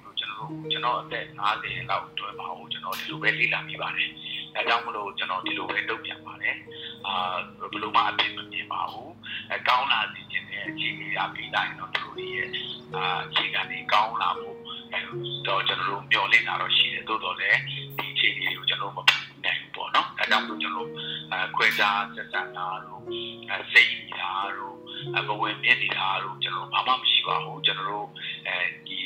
ကျွန်တော်ရဲ့ဦးလေးတော်မားတွေလိုပဲကျွန်တော်တို့ဒီကိုပေါင်းတော်မားတွေလိုပဲပြင်ပါတယ်ခင်ဗျာဟုတ်ကဲ့ပါကျမတို့အခုပေါ့နော်လက်ရှိလက်တလောအနေထားရဆိုလို့ရှိရင်မတန်ဆွမ်းသူမပြောနဲ့ပေါ့နော်တန်ဆွမ်းသူတွေတောင်အလောက်ကန်ခွန်းလန်းဆိုတာရှားပါနေပါတယ်လို့ဒီပုံမှာလဲကျမတို့တွေပေါ့နော် ကျမတို့ကိုယ်တွေရက်တည်ဖို့ဆိုလို့ရှိရင်စာဝင်နေရေးဆိုတာအခြေခံလိုအပ်ချက်ပဲလေနော်အဲ့ဒီအခြေခံလိုအပ်ချက်ဆိုလို့ရှိရင်ကျမတို့အလောက်ကန်တစ်ခုခုရှိမှာပဲကျမတို့ရက်တည်ရက်တည်နိုင်မှာပေါ့လေနော်အဲဒီအခြေအနေတွေကိုတစ်ခုကိုကြော်လာဖို့ဆိုလို့ရှိရင်တော့ကျမတို့ ကျင်းတည်တယ်ဝင်ငွေရှိမှလည်းကျမတို့နေနိုင်မှာပေါ့နော်ဒီလိုမျိုးဝင်ငွေရဖို့ဆိုတာကလည်းအလောက်ကင်မှမရှိလို့ရှိရင်တော့ကျမတို့ဘလို့မှဝင်ငွေဆိုတာမရနိုင်ပါဘူးလို့အဲ့ပေါ်မှာကျမတို့မတန်ဆွမ်းသူတွေအနေနဲ့ကိုတတ်ထားတဲ့ပညာနဲ့ကိုယ့်ရဲ့လက်တလောကြုံတွေ့နေရတဲ့စာဝန်နေရေးကိုဖြည့်ရှင်းရတာဖြစ်တဲ့အတွက်ကြောင့်ဒီပေါ်မှာတော့ကျမတို့တွေအဲလက်တလောကိုယ့်ရဲ့ရည်တည်မှုတော့ကိုဖြည့်ရှင်းရတဲ့နီလန်းလိုပဲကျမယူဆပါတယ်လို့ကဲ အလှော်ပေါင်းစုံကပြည်သူတန်ကိုနားထောင်ပြီးသွားပြီဒါဆိုလို့ရှိရင်လူတိုင်းကတကယ်ပဲပြည်သူအတန်ကိုနားထောင်နိုင်ပါမလားမိတ်ဆွေစဉ်းစားကြည့်ဘူးသလားတကယ်တော့မတန်ဆွမ်းတိုင်ဝမ်မှာရှိနေကြတဲ့သူတိုင်းကတချို့ဆိုလို့ရှိရင်ဒီလိုပြည်သူအတန်တွေကိုတော့နားမထောင်ရကြပါဘူးဘာလို့လဲဆိုတာကိုငယ်စဉ်ကတည်းကမတန်ဆွမ်းတိုင်ဝမ်မှာကြီးပြင်းခဲ့ရတဲ့ဆရာဦးထေးလွင်ကအခုလိုပြောပြပေးမှာဖြစ်ပါတယ် ဟုတ်ကဲ့အာကျွန်တော်နာမည်ကဦးထေးလွင်ပါအာကျွန်တော်ရဲ့ဒီမတန်ဆွမ်းမှုနောက်ခံ background ပြောရမယ်ဆိုရင်တော့ကျွန်တော်မိဘတစ်ပါးလုံးကမျက်မမြင်ဖြစ်ပြီးတော့ကျွန်တော်ကလည်းမျက်မြင်များနဲ့ပဲကြီးရလာတယ်လို့ပြောရင်မမှားပါဘူးအဲတိုကဲတော့ပဲကျွန်တော်ကအသက်16 20လောက်မှာကျွန်တော်ကခွဲကြံမျက်မြင်ကြောင်းမှာဝန်တန်းအနေနဲ့ကျွန်တော်တာဝန်ထမ်းဆောင်ပြီးတော့မှ2019ခုနှစ်9လပိုင်းမှာမှကျွန်တော်နှစ်30လောက် မျက်မြင်သာသနာလုပ်ငန်းတွေမှာကျွန်တော်ပါဝင်ဆောင်ရွက်ခဲ့ပါတယ်။ဒါမှလည်း2003ခုနှစ်လောက်မှာကျွန်တော်တို့စတင်ပြီးတော့မှလိုက်တရားမှာရှိတဲ့ဒီပြတာမတန်ဆွမ်းရေးမျိုးကိုကျွန်တော်မိခင်ကြီးတဲ့အတူထူထောင်ပြီးတော့မှကျွန်တော်ဟိုမတန်ဆွမ်းရောက်တရားလောက်ကိုပြုစုဆောင်ရှောက်ပေးနေတဲ့စင်တာပေါ့နော်အခုတော့အထူးပညာရေးအစီအစဉ်အနေနဲ့ကျွန်တော်ဆောင်ရွက်နေတဲ့တယောက်ဖြစ်ပါတယ်လို့ပြောပြပါသည်ကျွန်တော်တို့ဒီလောက်ပြောရရင်လေအာ80ခု နှစ်လောက်မှာတောင်းရန်လူများပပျောက်ရေးဆိုတော့နိုင်ငံတော်အစိုးရကနေပြီးတော့မှဒီဟိုနေလောက်တာရှိတယ်ဖန်စီချုပ်တဲ့ထဲပေါ့လေအဲဈေးတွေပါတွေမှာဒီလိုရှင်းနေတာရှိတယ်အဲအဲ့လိုမျိုးဟိုအမျိုးမျိုးပပျောက်မှုတော့လောက်ကြလို့လေဒီဟာကမပပျောက်တာဘူးအကြောင်းကတော့ဘာလဲဆိုတော့ ဒီအမြင်အာရုံမတန်ဆွမ်းတဲ့လူကလည်းနှစားလုပ်တာရှိတယ်ဟိုအကြောင်းကိုလုံးဝမရောက်ဘူးတဲ့လူရှိမယ်အထူးသဖြင့်တော့ဒီမတန်ဆွမ်းသူအများစုကလည်းအခြေခံဟိုချုပ်တဲ့ဆင်းရဲကြတဲ့လူတွေမှာအများစုဖြစ်ကြတဲ့အခါမှာသူတို့ရဲ့နောက်ွယ်မှာရှိတဲ့မိသားစုတွေကလည်းသူတို့ကိုအဲဘာမှဟိုဟိုအားပေးမှုတွေတိုးတက်မှုတွေအတွက်မလုပ်ပေးနိုင်တဲ့အခါမှာလူဖြစ်တဲ့အတွက်သူရဲ့ခံစားချက်ရအများကြီး သူသွားခြင်းနဲ့လာခြင်းနဲ့စားခြင်းနဲ့တောက်ခြင်းနဲ့အိမ်အောင်ပြုခြင်းနဲ့ဆိုတဲ့ဒီစံတာတွေကလည်းရှိလာတဲ့အခါမှာအခြားသောလူကုန်သိက္ခာဆိုတဲ့ဒီပညာရပ်ပိုင်းတွေကိုသူတို့မတင်ရတဲ့အခါမှာဒါတွေဟာအဲသူတို့သွားပြောနေတယ်အလကားပဲဟိုသိပြီးတော့မှဟိုအမှအကျိုးမရှိဘူးပေါ့နော်သူတို့မခံစားရဘူးဒီကုန်သိက္ခာပဲပညာမသိဘူးတဲ့လူတွေမှာတော့အပြင်အာယုံကြောင့်ပတ်ဝန်းကျင်ရဲ့အခြေအနေကိုအာပညာရ မလင်းအလင်းကိုမမြင်နိုင်တဲ့အတွက်ဖြစ်ရတဲ့ပြဿနာရှိသလိုကြောင်းဒီကိုရောက်ပြီးတဲ့အခါမှာလည်းဖြစ်ရတာကဘာလဲဆိုတော့အာကျွန်တော်တို့ငငယ်ကအခုတည်းရှိပါတယ်ဒီတယောက်ဆိုရင်ဦးကျင်တိတ်လို့ခေါ်ပါတယ်သူဆယ်တန်းနေပါလေအောင်ပါတယ်ဆိုတော့သူကတရုတ်ဖြစ်တယ်ဆိုတော့ကျွန်တော်တို့ကြားဘူးတာကသူ့ရဲ့ညီကောင်မောင်မရဲ့တန်တောက်နေခိုင်မာကြပါတယ်ဒါပေမဲ့အမြင်အယုံမတန်ဆွမ်းတဲ့လူတွေကအိမ်မှာဘလောက်ပဲချမ်းသာချမ်းသာသူ့ဘဝလူ လူဒန်းသားတွေကြီးကိုရောက်သွားပြီဆိုရင်အသေးစားပါတော့ပါအိမ်မှာစိတ်ကြကြနေပါဆိုတော့အများဆုံးအဖြစ်မနေတော့ဘဝလူတွေနဲ့ပဲကြီးလိုက်မောလိုက်ပြောလိုက်ပါလိုက်နေချင်ကြတယ်ဆိုတော့အဲ့ဒီအချိန်မှာသူတို့အတွက်အလုပ်ကံရရှိဆိုတဲ့ကိစ္စစိတ်ခေါ်မှုတရားဖြစ်လာတော့ပေါ့နော်သူတို့တိကျခိုင်မာတဲ့အလုပ်ကံတွေမရရှိတဲ့အခါမှာသူတို့ကအာကြုံရကြပါလောက်ကြရရင်လည်းပဲဒီလိုဘ ဝထဲမှာအာရောက်သွားကြတာတွေလည်းရှိတယ်ပေါ့နော်ဆိုတော့အကြောင်းတရားတွေကအမျိုးမျိုးခံလာတဲ့အခါမှာအဲဒီလိုပဲအဲသူတို့လုတ်ခိုင်းစားတော့ရတဲ့အခြေအနေတွေဖြစ်တယ်အဲ့ဒါကိုကြားလာတဲ့အခါကျတော့လူပတ်ဝန်းကျင်ကဒီလူတွေဒီနေရာမှာပဲပြုံနေတယ်လို့တခါပြန်ပြင်ရတာပေါ့လေဆိုတော့ကျွန်တော်တို့ဒီအခြေခံအရာတော့ကျွန်တော်တို့အားလုံးကဒီလုတ်ခိုင်းရရှိတဲ့လူကုန်သိက္ခာနဲ့တော်လျော်တဲ့အခင်းချင်းဒီ အာလိုအပ်တာတွေကိုကျွန်တော်တို့အခြေခံမှာကျွန်တော်တို့မပန့်ဖို့နိုင်တဲ့အခါမှာတကယ်ပါပဲကြောက်ကြောက်သွားကြတာပေါ့ဆိုတော့စသဆရာမပြောသလိုပဲသူတို့နဲ့တွေ့ဖို့ဆုံးဖို့အခဏနေငါတို့လုပ်ပြီးမယ်ဆိုတာကျွန်တော်တို့လုပ်ခဲ့ပါတယ်လို့တော့လည်းမအောင်မြင်ဘူးအခုလိုကြီးသွားတဲ့လူတွေဆိုရင်သူတို့ရဲ့သားသမီးတွေကသူတို့ကိုပြန်ပြီးခိုးပြီးတော့ဒီအမေတွေကိုတွဲဒီဖေတွေကိုတွဲပြီးတော့စားတော့တဲ့အဖြစ်ဖြစ် သွားတယ်အဲ့ဒါတော့ဒီမတန်မှပညာရေးပိုင်းမှာအာသားသမီးတွေကလည်းအားနေပြီးတော့မှနောက်ဆုံးတော့အစဉ်ချက်တွေဖြစ်ကုန်တာပေါ့လေဆိုတော့အကြောင်းတရားတွေအားလုံးဒီခံလာတာပေါ့ဆိုတော့ကျွန်တော်အနေနဲ့ဘယ်လိုမြင်လဲဆိုတော့အဲစောစောလိုပဲကျွန်တော်တို့အကြောင်းတရားတွေကသူတို့ရဲ့ဘဝဖွင့်ပြအတွက်ကိုလိုအပ်တယ်လို့မပန့်ဖို့နိုင်တဲ့အခါမှာဒီလိုပဲဒါတန်တရားနေနေတာပေါ့ကျွန်တော်အဲ့လိုပဲမြင်ပါတယ်ဗျာ တကယ်တော့ကျမလည်းလွန်ခဲ့တဲ့12နှစ်လောက်ကတည်းကမြင်တွေ့ခဲ့မှုတဲ့ပုံရိပ်တစ်ခုကိုမိတ်ဆွေတွေကိုပြန်ပြောပြချင်ပါတယ်။အဲ့ဒီတော့ဆိုလို့ရှိရင်စမြင်တွေ့တဲ့အခါမှာကျမအနေနဲ့လေစက်သိမ်းဖြန်းဖြန်းထပြီးတော့လေခန္ဓာကိုယ်ကတဆက်ဆက်တုံလာပါတယ်။အဲ့ဒါဘယ်လိုမြင်ကွင်းမျိုးလဲဆိုတော့အသက်20ပြုတ်ပြုတ်အမျိုးသမီးလေးတယောက်သူကအမြင်အာရုံမတန်ဆွမ်းသူသူ့ရဲ့လေဘေးမှာ fiber နဲ့လှုပ်ထားတဲ့ sign board တစ်ခုဆွဲထားတယ်။ အလျား10လက်မလောက်အနံ6လက်မလောက်ရှိတဲ့အဲ့ဒီ sign board မှာသမီးလေးမျက်စိကုသရန်အတွက်အလှခံပါသည်လို့ရေးထားတယ်။စတီးကြိုးတစ်ခုနဲ့အဲ့ဒီ sign board ကြီးကိုလေဘေးမှာဆွဲပြီးကောင်မလေးကိုအထုံကြီးတယောက်ကကျမအထင်တော့အသက်50ဝန်းကျင်လောက်ရှိမယ်။အဲ့ဒီအထော်ကြီးကလက်ဆွဲပြီးတော့တလန်းဝင်တလန်းထွက်တဆိုင်ဝင်တဆိုင်ထွက်ဘူတာယုံနေ ကားဂိတ်တွေတင်မောစိတ်တွေမှာလိုက်ပြီးတော့တောင်းနေတာကိုတွေ့ရတယ်။ဒီကြောင့်ကျွန်မဆရာကိုပြောပြတဲ့အခါမှာဆရာဒီလိုပြန်ပြောတယ်။ပထမကနှစ်လောရှိတာပေါ့။ပထမကရှိပြီးသားလူအကြီးတန်းတွေနဲ့ပတ်သက်တဲ့လုပ်ရမယ့်လုပ်ငန်းတစ်ခုရှိပါလိမ့်မယ်။နောက်တစ်ခုကနောင်လာမဲ့အခုမတန်ဆွမ်းမျိုးဆက်တစ်ခုကိုကျွန်တော်တို့ပြုစုပြောထောင်တဲ့အပိုင်းတစ်ပိုင်းရှိမယ်။ဒီ ချိန်မှာဒီနှစ်ပိုင်းလုံးကလုံဆောင်ချက်မတူပါဘူးလို့ကျွန်တော်မြင်ပါတယ်ခင်ဗျာ။အဲ့တော့ပထမတစ်ပိုင်းကတော့ဒီအခုကြီးလာပြီဒီလုပ်ငန်းတွေထဲမှာနှစ်ပေါင်း10နဲ့ကြီးရှိလာတဲ့လူတွေကအာကျွန်တော်တို့ကျွန်တော်တို့စကားပြောမယ်ဆိုလဲသူတို့အတော်တန်ဘဝအတွေ့အကြုံတွေပညာတွေသူတို့ရကုန်ပြီ။ဒါမဲ့လို့ဒီနေ့ကနေပြီးတော့ရုံထွက်နိုင်ဖို့ကိစ္စတစ်ခုသာတို့ကြံနေတာပေါ့နော်အဲ့တော့ကျွန်တော်လူတိုင်းဝိုင်းနေမှာကျွန်တော်တို့ဒါဟိုအကြမ်းကြီးကတော့ကျွန်တော်နှီးသက်တဲ့ နဲ့တို့နဲ့အခင်းချင်းဒီကြပြောဝိုင်းကြီးအဲသူတို့ရဲ့အခက်အခဲတွေသူတို့ရဲ့စဉ်းစားပုံစဉ်းစားနည်းတွေကိုကျွန်တော်တို့ဟိုလူတိုင်းဝိုင်းတွေမှာရှိတဲ့ဟိုသူတို့နဲ့တသားတယ်ဒီပတ်တစ်ချိန်တစ်ပတ်တစ်ချိန်မျိုးကျွန်တော်တို့စကားတွေပြောကြရင်းနဲ့မှာသူတို့ lifestyle တွေကိုကျွန်တော်တို့ဒီပြပမှာရှိနေတဲ့လူတွေရဲ့အတွေ့အကြုံပြောပြလှုပ်ဆောင်မှုတွေနဲ့ပတ်သက်ပြီးတော့ကျွန်တော်တို့ဒါတွေကိုဟိုမိတ်ဆွေစွာသွားရင်းနဲ့လည်းကျွန်တော်တို့လုပ်နိုင်ပြီလို့ထင်ပါတယ်ကျွန်တော်တို့ဒီ အဖွဲ့အစည်းဟိုဒီမော်နော် NGO တို့လိုအဖွဲ့အစည်းမျိုးတွေကတော့အမိန့်နဲ့အားထားနဲ့လုပ်လို့မရဘူးတွေးထွေးတဲ့မြစ်သားတွေနဲ့ပဲကျွန်တော်တို့ဖြစ်ဖြစ်ချင်းမိတ်ဖွဲ့သွားတဲ့အခါမှာအဲနောက်သူတို့လိုအပ်တဲ့အကူအညီလေးတွေလည်းကျွန်တော်အထိုက်တယောက်ပေါ့နော်ကျွန်တော်တို့ပြီးရင်းနဲ့ပဲသူတို့မိတ်ဖွဲ့သွားရင်းနဲ့ပဲကြာပြောက်သွားမယ်လို့ထင်ပါတယ်ဗျဒုတိယမျိုးဆက်တစ်ပေါ့နော်မျိုးဆက်တစ်ကျွန်တော်ကဒီပြတာမတန်ဆွမ်းမှာကျွန်တော်လုပ်နေတဲ့အခါမှာ ကျွန်တော်နောက်လာနောက်ကလေးတွေကဒီလိုအခြေအနေမျိုးတွေမရောက်အောင်ဆိုတာကိုရစဉ်းစားရတော့ပေါ့နော်စဉ်းစားတဲ့အခါကျတော့ကျွန်တော်တို့ဒီအဲစာပေဆိုပြီးတော့တင်လိုက်တာပဲကျွန်တော်တို့ကြောင်းရစာပေအာဟိုအတန်းပညာတွေတင်လိုက်တယ်ဒါပေမဲ့အဲ့ဒီအတန်းပညာတွေကိုတကယ်ချတွက်လိုက်တဲ့အချိန်ကျတော့ပြင်ပလောကမှာအမြင်အာရုံမတန်ဆွမ်းတဲ့လူတစ်ယောက်ဟာဘွဲရတဲ့ပညာတွေပဲလို့အပြင်မှာအလုတ်ကန်ရရှိရ 85ရာခိုင်နှုန်းကျွန်တော်တို့အတွက်အခွင့်အရေးနေနေတယ်။အမတန်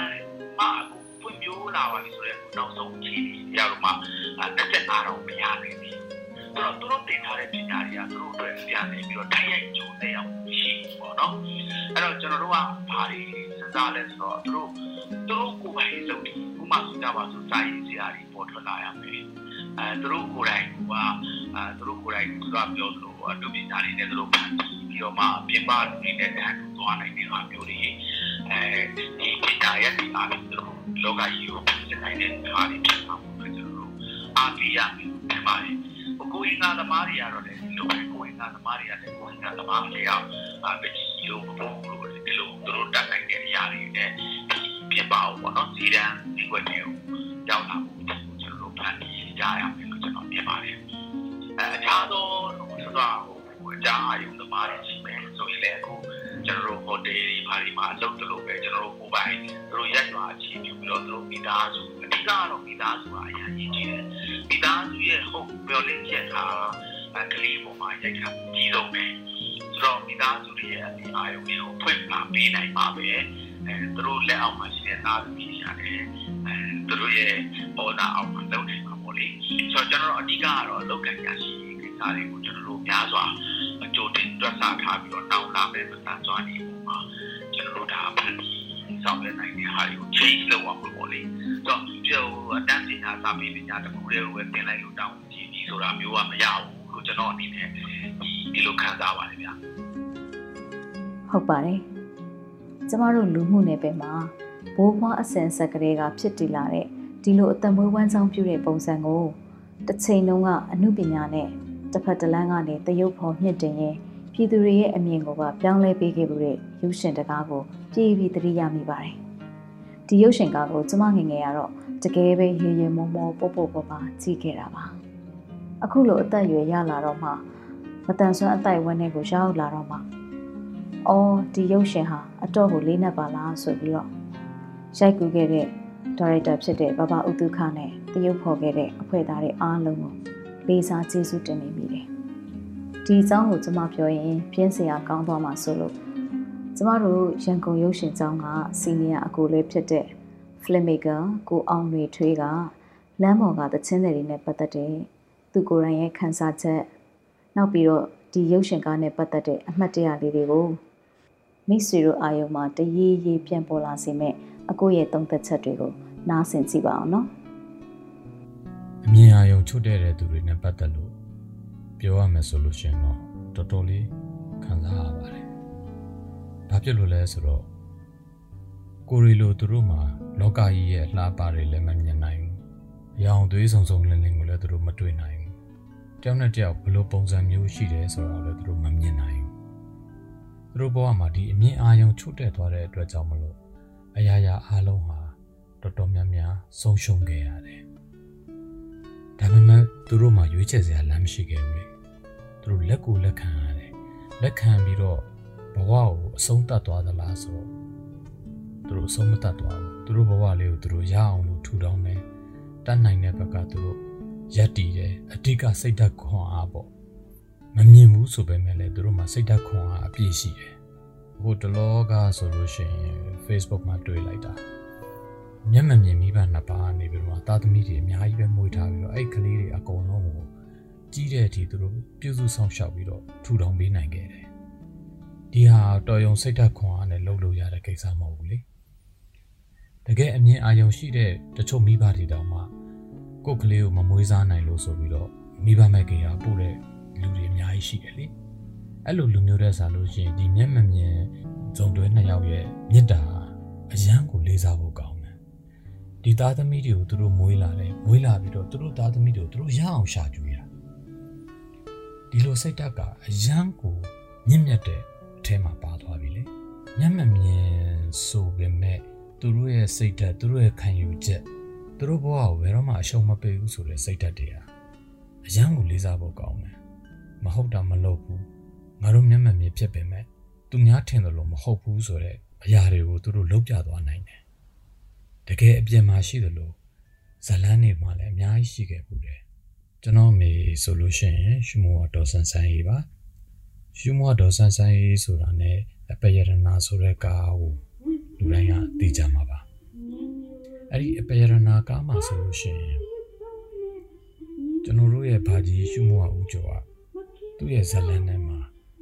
ဘလို့ပြခဲ့လဲဆိုတော့အဲ့ဒီမှာကျွန်တော်အမေက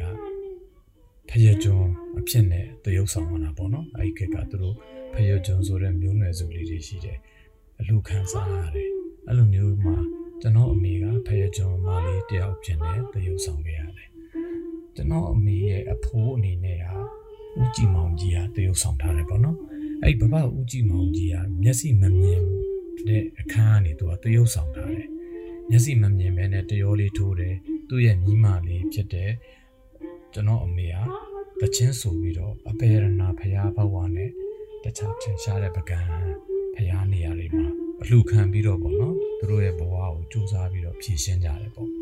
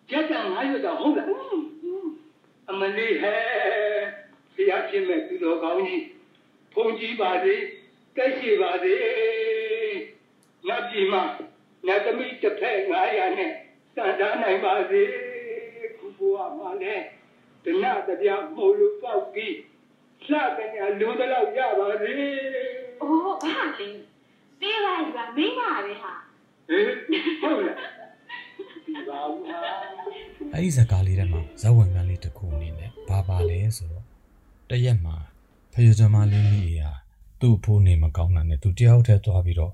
ဖះမှာအလှခံနေရင်းနဲ့အဲရန်ကုန်မြို့လာတဲ့တတိသမီးဒေါက်ခင်မမိုးကနေပြီးတော့မှ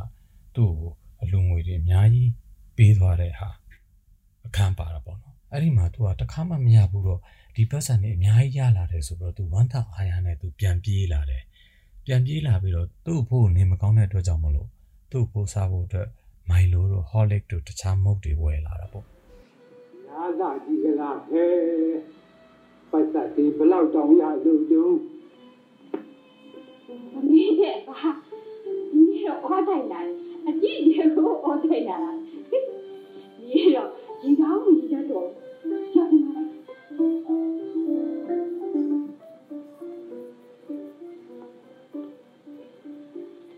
ဟဲ့ချက်ပြီးပါကလား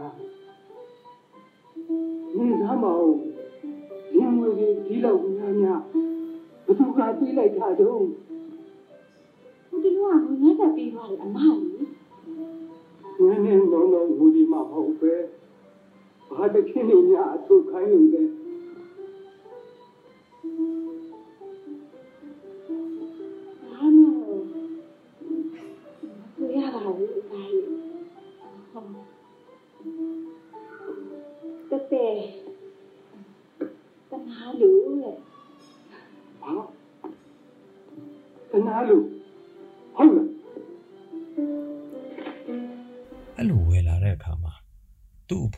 မျက်စိမမြင်ပဲနဲ့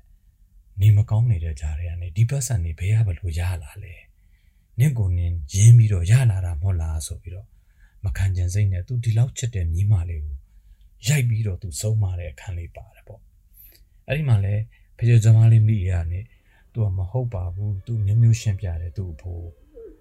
မိဒီလိုမလုပ်ပါဘူးမိလှူခံလို့ရတဲ့ပတ်စံလေးနဲ့အဘကိုဝယ်လာပေးတာပါဆိုပြီးတော့ပြောတယ် နောက်ဆုံးကြတော့မှသူ့အဖိုးကလည်း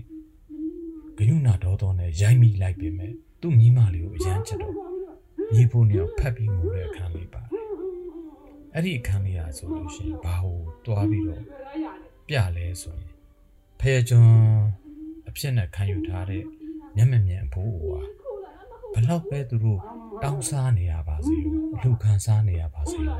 မယိုးသားတဲ့ပတ်စံရဖို့ဆိုတာကိုဘလို့မှလက်မခံနိုင်ဘူး သူတို့ရိုးရိုးသားသားတောင်းစားမယ်လူခံစားမယ်ဒါမျိုးပဲသူတို့လက်ခံတယ်တခြားမဟုတ်တဲ့ဘက်ကရတဲ့ပတ်စံမျိုးကိုသူတို့လုံးဝလက်မခံဘူးဒါဘာကိုပြလဲဆိုတော့သူတို့ရဲ့ကောင်းတဲ့စိတ်ဓာတ်သူတို့ရဲ့ကောင်းတဲ့မာနပေါ့နော်အဲ့ဒါမျိုးကိုပြတယ်လို့ခံစားရပါတယ်တကယ်ပါအဘကြီးဘုရားအမပေးရပါရှာမရှိနဲ့ဒါသာမ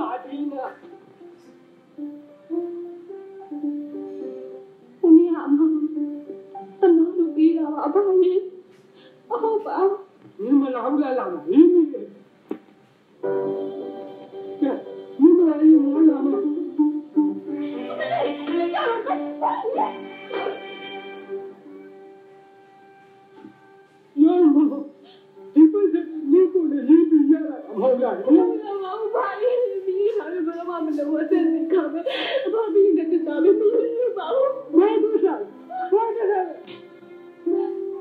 လောကပိုက်ဆံရရှိတာသစ္စာဆိုတာမရှိဘူးသစ္စာဆိုတာမရှိဘူးဘာမင်းမင်းဒီကတည်းကဘာဘာရေးပြီးဟိုစီလာ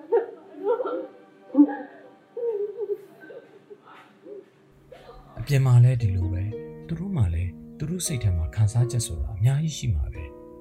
သူတို့မှလည်းလိုချင်တဲ့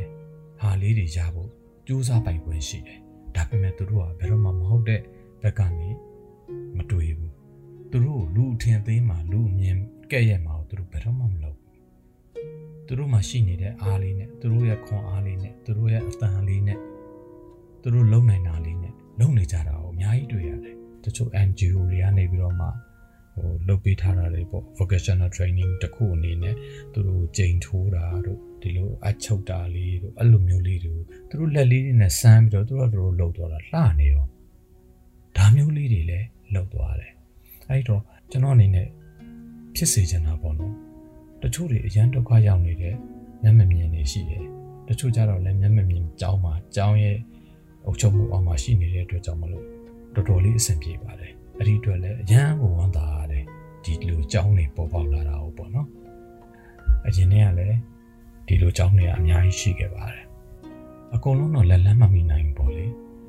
အပြင်မှာအရန်ဒုက္ခရောက်နေတဲ့အဲ့လိုမျက်မမြင်တွေတွေ့လို့ရှိရင်အရန်ကိုချမ်းသာတယ်ဒီလိုလူမျိုးတွေကိုလည်းခုနကလို vocational training လေးနဲ့ပေးနိုင်မယ်ဒီလက်မှုပညာလေးတွေနဲ့သူတို့လှုပ်ရှားလို့ရမယ်ဆိုလို့ရှိရင်သူတို့ဘဝအတွက်လည်းအဆင်ပြေတယ်တစ်ဖက်ကလည်းသူတို့အတွက်လမ်းမှာလိုက်ပြီးတော့လူခံနေရလို့ခံစားနေရတဲ့ခံစားချက်ကြီးလည်းလျော့သွားမယ်ဒီကြားထဲမှာအသက်အန္တရာယ်တို့တခြား accident တွေလည်းလျော့ကျသွားနိုင်ပါတယ်အဲ့လိုမျိုးသူတို့တွေကိုဟို နောက်ထပ်ဒီလို vocational training မျိုးတွေပေးပြီးတော့သူတို့တွေကိုအလုပ်ကလေးတွေပေးနိုင်မယ်ဆိုရင်တော့အတိုင်းထက်လုံးပေါ့ဗျာအဲ့လိုမျိုးအများကြီးထပ်ပြီးတော့ဖြစ်လာအောင်မယ်လို့လည်းညွှန်လင်းပါတယ်မိတ်ဆွေတွေဒီတစ်ခါမှာတော့တကယ်လက်တွေလမ်းပေါ်မှာတချင်းတဲ့အဖြစ်အသက်မွေးဝမ်းဆောင်ပြုနေတဲ့တငယ်ချင်းနှစ်ယောက်နဲ့ဆုံတွေ့တော့ကကျမကပြည်သူအတန်အနေနဲ့သူတို့ရဲ့ထုတ်ဖော်ပြောဆိုချက်တွေကိုခွင့်တောင်းပြီးမေးမြန်းခဲ့ပါတယ်။ ဒီအတန်ဖိုင်ကဖြတ်တောက်ပြင်ဆင်မှုမရှိပဲမူရဲ့အတိုင်းတင်ဆက်ထားတာဖြစ်တဲ့အတွက်ဈေးတဲ့အတန်ကားတန်ဆိုင်ကယ်တန်တွေတော့နည်းနည်းဆူညံ့နေမယ်ဆိုတာကြိုပြီးအသိပေးတောင်းပန်လိုပါတယ်။နားဆင်ကြည့်ပါအောင်နော်။ဒါဆိုအမကပဲအရင်ဆုံးပြောကြည့်ပါဦးအခုလိုမျိုးအမတို့ကိုတို့ထွက်လာရတဲ့အကြောင်းလေးကိုညီမကိုပြောပြပေးပါအဲထွက်လာရတဲ့အကြောင်းရတော့စားဝတ်နေရေးပေါ့စားဝတ်နေရေးကြောင့်တခြားအလုပ်တွေမရှိတဲ့အတွက်ကြောင့်ဒီ ကိုဆိုတက်ကိုတက်ထားတယ်ပေါ့တက်ထားတယ်ပေါ့ကိုနားလည်ထားတယ်ပေါ့နော်တချင်းအဆိုအဆိုလေးနဲ့ဘယ်လောက်တတ်တဲ့အတွက်ကြောင့်တချင်းအဆိုလေးနဲ့ထွက်ပြီးတော့ပြည်သူလူထုစေတနာရှိသလိုယူမယ်ဆိုပြီးတော့ဒီလိုအဆိုလေးနဲ့ပဲထွက်လာကြတဲ့သဘောပါပဲအဓိကတော့စားဝတ်နေရေးပေါ့အဲ့ဒါပါပဲ ဟုတ်ကဲ့အမအမရဲ့အဓိကနာမည်မပြောရင်တော့မှအမရဲ့အသက်အရွယ်နဲ့ဟိုနေအသက်ကတော့အသက်50ရှိပြီအော်ဟုတ်ကဲ့ရှင်အသက်50ရှိပြီအိမ်တောင်ရှိလားအမဟိုနေအဲ့လိုမျိုးအမဟိုကိုရေးအချင်းလေးပြောပြပေးပါလားအိမ်တောင်မရှိဘူးနော်ငကောတော့အမတို့ဒီဟာမတိုင်ခင်မှာဘယ်လိုဟိုဘယ်လိုမျိုးလောက်ကင်စားတောက်လဲပေါ့နော်ဒီဒီကာလမတိုင်ခင်မှာလေဒီလိုပဲသွားတယ်လေအရင်တော့တော့ပြောရမယ်ဆိုအလွတ်သွားတာလမ်းလမ်းလျှောက်သွားတာအခုကျတော့ လူတွေကအားလုံးကလည်းအแทမှာပဲနေကြတယ်ဒီလိုအတန်မှမကြားရင်စားဝင်နေအဆင်မပြေဘူးဆိုပြီးတော့ဒီအတန်လေးနဲ့လွှင့်ပေးလိုက်တဲ့ခါကျတော့ဘာပြောကြားတဲ့လူကလည်းစေတနာရှိတဲ့လူပေးမယ်ဆိုတဲ့စိတ်ကလေးပေါ့ဒါပါပဲအပြေကတော့အရင်တော့ဒီတိုင်းသွားကြတာကျွန်တော် ဟုတ်ပါတယ်ဟုတ်ပါတယ်မနောက်နောက်တစ်ခုပေါ့နော်အမဝေးချင်တာလေဒါဆိုလို့ရှိရင်အမလိုပဲဒီဒီလမ်းထဲမှာလာကြတဲ့သူတွေရှိတယ်တခြားဟိုကျမတို့အသီးတွေလည်းပါတာတွေရှိပါတယ်အဲ့လိုမျိုးဆိုတော့အမတို့အဒီအမြင့်အာယုံမတန်ဆွမ်းတဲ့မိသားစုဝင်တွေအနေနဲ့မြင့်အာယုံမတန်ဆွမ်းသူတယောက်အနေနဲ့မဒီခက်ခဲဒီချိန်မှာခက်ခဲနေတာတွေကိုပြည်သူတွေကိုဘယ်လိုမျိုးပြောပြချင်တယ်လဲပေါ့နော်ဒီချိန်မှာခက်ခဲနေတာကိုဘယ်လိုပြည်သူတွေပြောပြမလဲအကိုကပြောကြည့်ပါလား ကိုပြောပြပေးနိုင်မလားပြောပြလိုက်ပါမယ်ခက်ခဲနေတာကိုဘယ်လိုပြမလဲဆိုတော့ခက်ခဲနေတာတော့ခက်ခဲတယ်အဲ့ဒါကိုဟုတ်ညီမတို့လည်းခက်ခဲတာပဲလေညီမတို့အလုံးမရှိအိမ်မှာနေရတယ်အဲ့ဒါအလုံးခက်ခဲနေတဲ့အချိန်မှာထပ်ပြီးတော့ပြည်သူလူထုကိုဟုတ်ကဲ့စေတနာမပြောလို့တော့ပါဘူးလို့ပြောမှာစေတနာရှိသလိုလေးပဲဟုတ်ကဲ့ဟို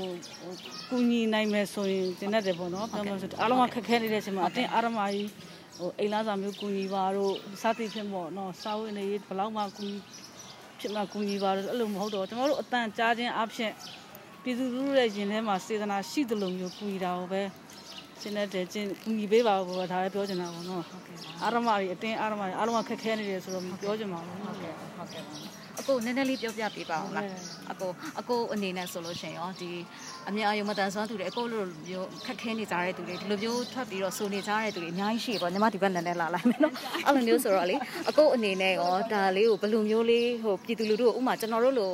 အော်ဒီလိုမျိုးအဆိုအားဖြင့်အာလမ်းပေါ်မှာလူတယောက်တွေ့လာပြီဆိုလို့ရှိရင်ဘယ်လိုမျိုးအကိုတို့ရောဘယ်လိုအခက်အခဲတွေရှိခဲ့လဲဒီလိုထွက်ပြီးတော့တောင်းတဲ့အခါမှာလေအကိုခဏလေးနော်ခဏလေးခဏလေးကားလာလိုက်ပေါ့ ဟုတ်ကဲ့အကိုတို့ရှိတဲ့အခက်အခဲလေးလည်းပြောပြပေးပါဒါမှညီမတို့ကသိရမှာဟုတ်အခက်အခဲကတော့မရှိဘူးမုံမုံဒီလိုဒီလိုထွက်ပြီးတော့လာတဲ့အခါမှာပေါ့နော်ဘယ်လိုမျိုးအခက်အခဲရှိလဲမရှိပါဟုတ်အော်မရှိဟုတ်ကဲ့ဘာမှအခက်အခဲမရှိဘူးကျွန်တော်တို့ကလည်းဒါကကျွန်တော်တို့ရဲ့အလုပ်တစ်ခုလို့ကျွန်တော်တို့ပြောမယ်ဆိုအလုပ်ပေါ့လေဒါကျွန်တော်တို့ရဲ့ကိုယ်ပိုင်အလုပ်တစ်ခလေးတစ်ခုဖြစ်တဲ့အတွက်ကျွန်တော်တို့လုပ်ကြတယ်အားလုံးကဒီနေ့အဲဟိုတုန်းကလည်းဟိုတုန်းကလည်းသူကလည်းသူခက်ခဲတယ်ဒီချိန်မှလည်းဒီချိန်မှလည်းခက်ခဲတယ်နောင်ကိုလည်းခ က်ခဲသည်ဖြစ်စေကြက်တဲသည်ဖြစ်စေကိုယ်အလုံးမှာကိုကျွန်တော်တို့ကတော့အားလုံးပေါ့ကိုလိုဘဝလူတွေလည်းလုံနေကြတယ်၊ကင်နေကြတယ်ကိုတွေလည်းလုံနေကြတယ်ဒီလိုပါပဲတခြားတော့ဟုတ်ကဲ့ဟုတ်ကဲ့တိတ်တော့ဘာမှအခက်အခဲမရှိပါဘူးဟုတ်ကဲ့အဓိကတော့စာဝတ်နေရေးပေါ့ပြောရမယ်ဆိုစာဝတ်နေရေးမှာသူများတွေလို့စက်ယုံနေမစင်းနိုင်ဘူးသူများတွေလို့ပညာမတတ်တဲ့ခါကျတော့ကုမ္ပဏီအလုပ်လည်းမလုပ်နိုင်ဘူးအဲ့တော့တချင်းဆိုတာကတော့ဒီဟာလေးပဲလုတ်တတ်တယ်ဆိုပြီးတော့လုတ်ကြတဲ့သဘော ကိုလိုမျက်မြင်တွေအများကြီးလေဗျာနိုင်ငံတော်ကလည်းလောလောဆယ်အပြည့်အဝကိုတောင်းဝင်မယူနိုင်ဘူးလေဒီသားစုတွေကအိမ်အောင်ရှိတာတွေလည်းရှိတယ်အိမ်အောင်မရှိတဲ့တွေလည်းရှိကြတယ်โอเคအကိုအဲ့ဒါဆိုလို့ရှင် sorry ပါ တင်ကျင်တဲ့နဲ့လာတော့အဲ့တော့အကိုကိုနဲ့မှဘာတော်လဲငယ်ချင်းနေอ๋อဟုတ်ကဲ့ဟုတ်ကဲ့ဟုတ်ကဲ့တငယ်ချင်းနေဟုတ်ကဲ့ဟုတ်ကဲ့ကြီးလည်းမနေခဲ့ကြဟုတ်ကဲ့ဟုတ်ကဲ့ဟုတ်ကဲ့ဟုတ်ကဲ့ကျောင်းကပြီးတော့မှဟုတ်ကဲ့ပြင်လောကရောက်တော့သူ့ခန်းသူနေကိုခန်းကိုနေပေါ့ငယ်ချင်းတွေလာစုံပြီးတော့ထွက်ကြတာပေါ့လေ900ပါခင်ဗျာခဏလေးပါနော်900ရံပါတယ်900ရံပါတယ်ဒိန်ချင်း အဲ့တော့အကိုရောမတို့ဒီ radio program အစီအစဉ်တွေဒီလိုမျိုး online မှာလွှင့်တဲ့အပေါ်မှာရောအကိုရောမတို့ဘာများပြောချင်လဲပေါ့နော်ဘလို့အတန်လေးတွေဖော်ထုတ်စေချင်တယ်လဲပေါ့အကိုပြောပေးမလားဟ အဲ့ဒါလည်းပြောဖို့တော့ကျွန်တော်တို့ကခက်တယ်လေစိတ်ဝင်စားမှုပုံမှာတော့မူတည်တာပေါ့အမရဲ့အကိုတို့ရေဒီယိုနားထောင်လားကိုရိုင်းကျွန်တော်တို့ကနားမထောင်ကျွန်တော်တို့ကအဲ့ဒါဆိုသတင်းချက်လက်အကိုတို့ဘယ်လိုအဲလဲတည်င်းချက်လက်တွေတော့ကျွန်တော်တို့ကဥစ္စာကျွန်တော်တို့အဓိကသုံးတာဖုန်းဟုတ်ကဲ့ဖုန်းကနေနားထောင်တဲ့ radio program မှာအခုဟာလေ podcast ဆိုတာကလေဟုတ်ကဲ့အပတ်မကြည့်ဖုန်းကနေပဲ Facebook ပုံမှာတည်ရတည်ရအမားတို့ပြောပြတဲ့သဘောလဲကျွန်တော်တို့သိတယ်အများဖြင့်တော့ကျွန်တော်တို့က ဒီပြည်တွင်းမီဒီယာမှာဆိုရင်မြည်စည်းမပေါ့မြည်စည်းမနဲ့ကျွန်တော်တို့ RFA ရှိရင်ကျွန်တော်တို့အတွက်နေ့စဉ်ဗဟုသုတရပြီဒါလောက်ပေပြီမဲ့မတန်ဆန်းတဲ့ပတ်သက်တဲ့သတင်းအချက်လက်ကြတော့အကိုတို့အမတို့ဘယ်ရယူလဲအဲ့ဒါကြောင့်မယူတော့ဘူးဘာဖြစ်လို့လဲသူလည်းမတန်မဆန်းကိုလည်းမတန်မဆန်းလေနော်အမဟုတ်ဘူးလေတခြားမတန်ဆန်းလောကကအဲ့လှုလောက်ပ်ရှားမှုနဲ့ပတ်သက်တဲ့ဟာမျိုးတွေအကိုတို့သတင်းချက်လက်မရအောင်ပေါ့ဟုတ်ကဲ့အဲ့လောက်လဲကျွန်တော်တို့ကမရှာတော့ဘူးဗျသူကသူကိစ္စနဲ့သူသွားတယ်ကျွန်တော်တို့အဖွဲ့အစည်းနဲ့မဟုတ်လေကျွန်တော်တို့ကမိသားစုစားဝတ်နေရေးပြဿနာရှင်းတဲ့အခါကျတော့အဖွဲ့အစည်းလောက်ကသူတို့အဖွဲ့အစည်းနဲ့ဆိုင်တဲ့လူကလုံးလိုက်မယ် အော်ဒါဆိုလို့ရှိရင်အကိုတို့ကမျက်မြင်သိန်းတော့ဘာလို့အဲ့လိုမျိုးအသေးဖွဲ့တွေလည်းမဝင်မထားဟုတ်တော့ဘာမှမဝင်အော်ဟုတ်ကဲ့ဟုတ်ကဲ့ဒါဆိုဒါဆိုတကိုတော့အလို့အလွတ်အလွတ်တန်းအလွတ်တန်းဟုတ်ဟုတ်အလွတ်တန်းကိုမိသားစုကိုဘွားကိုဖန်တီးပေါ့လေဟုတ်ကဲ့ဟုတ်ကဲ့အဲဆိုအဖွဲ့အစည်းတွေပေါ်မှာလဲကျွန်တော်တို့ကခုနပြောသလိုပေါ့တိတ်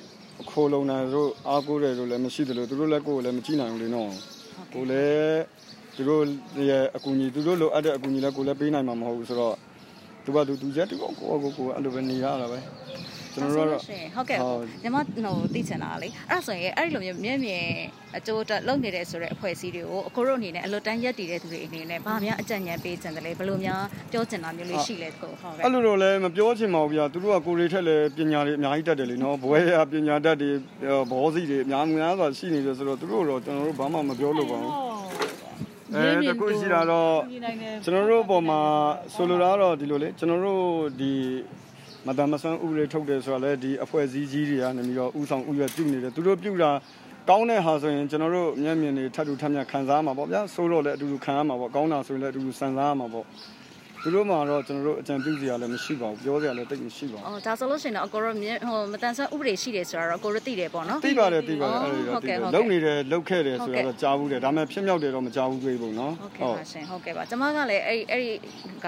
အဓိကကျမကပြည်သူအတန်ဖော်ထုတ်ချင်တာပါဆိုလို့ချင်တာကလေတကယ်ပြည်သူတွေမှာရှိနေတဲ့မတန်ဆွမ်းသူတွေကဘလို့မျိုးရင်ဆိုင်ကြုံတွေ့နေရလဲဖြတ်တန်းနေရလဲဆိုတာကိုအဓိကဖော်ထုတ်ချင်တဲ့အတွက်အကိုတို့မြင်မြင်ရခြင်းဖြစ်ပါတယ်ဟုတ်ပါတယ်မဟုတ်ဘူးအကိုတို့စိတ်မရှိပါနဲ့ရှင်နော်ဟုတ်ကဲ့ဟုတ်ကဲ့တကယ်လို့အကိုတို့အင်တာနက်ပေါ်မှာအကိုတို့ဒီကျမတို့ရဲ့တင်ဆက်မှုတွေစိတ်ဝင်စားရဲဆိုရင်တော့ဒီမြန်မာ Cinema Ability Network ဆိုတာကျမတို့ MCA Network လို့ခေါ်ရဲပေါ့နော် MCA Network ဆိုတဲ့နေရာမှာကျမကိုယ်တိုင်တည်ထောင်ထားတာပါ2016ခုနှစ်နှစ်ကုန်တည်းကတည်ထောင်ထားတယ်မတန်ဆွမ်းလူငယ်တွေကိုကျမဟိုအယုတ်အတန်ပိုင်းဆိုင်ရာဤပညာတွေပေးပြီးတော့မှကျမတို့ဒီအခမဲ့ပေါ့နော်သင်တန်းပေးပြီးတော့မှသူတို့ကိုရုပ်ရှင်ရိုက်တတ်အောင်အဲ့လိုမျိုး radio program တွေလုပ်နိုင်အောင်တရုပ်ဆောင်တဲ့အခုခေတ်ဆို vlogger ပေါ့နော်အခုဟုတ်ဟုတ်ဟုတ် vlogger တွေ online ကနေပြီးတော့မှအကြောင်းအရာတွေတင်ဆက်တဲ့ဟာတွေအထိလုပ်နိုင်အောင်ညီမကသင်တန်းပေးနေတာပေါ့တစ်ဖက်တစ်လမ်းကညီမရဲ့ professional အလုပ်ကတော့တီးတန့်ရှိပါတယ်ဟုတ်ဟုတ်ကဲ့နော်ဆိုနေ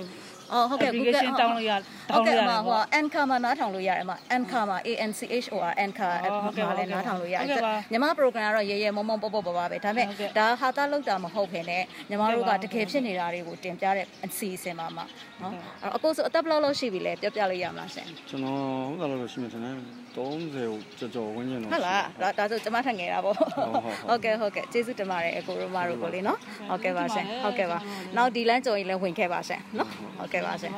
လာတာဝေးလာကိုတို့ဟုတ်လိုက်တာရပါဟုတ်ကဟုတ်ကလားဟောနှိုင်တရားကဟုတ်ကဲ့ပါနှိုင်တရားမှာဟောတခြားဟိုနေမျက်မြင်နဲ့ပတ်သက်တဲ့အဖွဲ့တွေရှိတယ်မလားရှိတယ်အဖွဲ့လိုင်းသားရမှာကဒီလိုရှိတယ်လေအဖွဲ့အစည်းနာမည်တော့ရှိတာပေါ့ဗျာကျွန်တော်ခုနပြောသလိုပေါ့အဖွဲ့အစည်းအပိုင်းကအဖွဲ့အစည်းအပိုင်းသူတို့လည်းအခုချိန်မှာဘာမှမလုပ်နိုင်ကြဘူးနောက်ကျွန်တော်တို့ပြောတာကပေါက်ရောက်တယ်မပေါက်ရောက်တယ်ဆိုတာကျွန်တော်တို့လိုင်းသားရမှာပညာတတ်ကလည်းနည်းတယ်လေနော်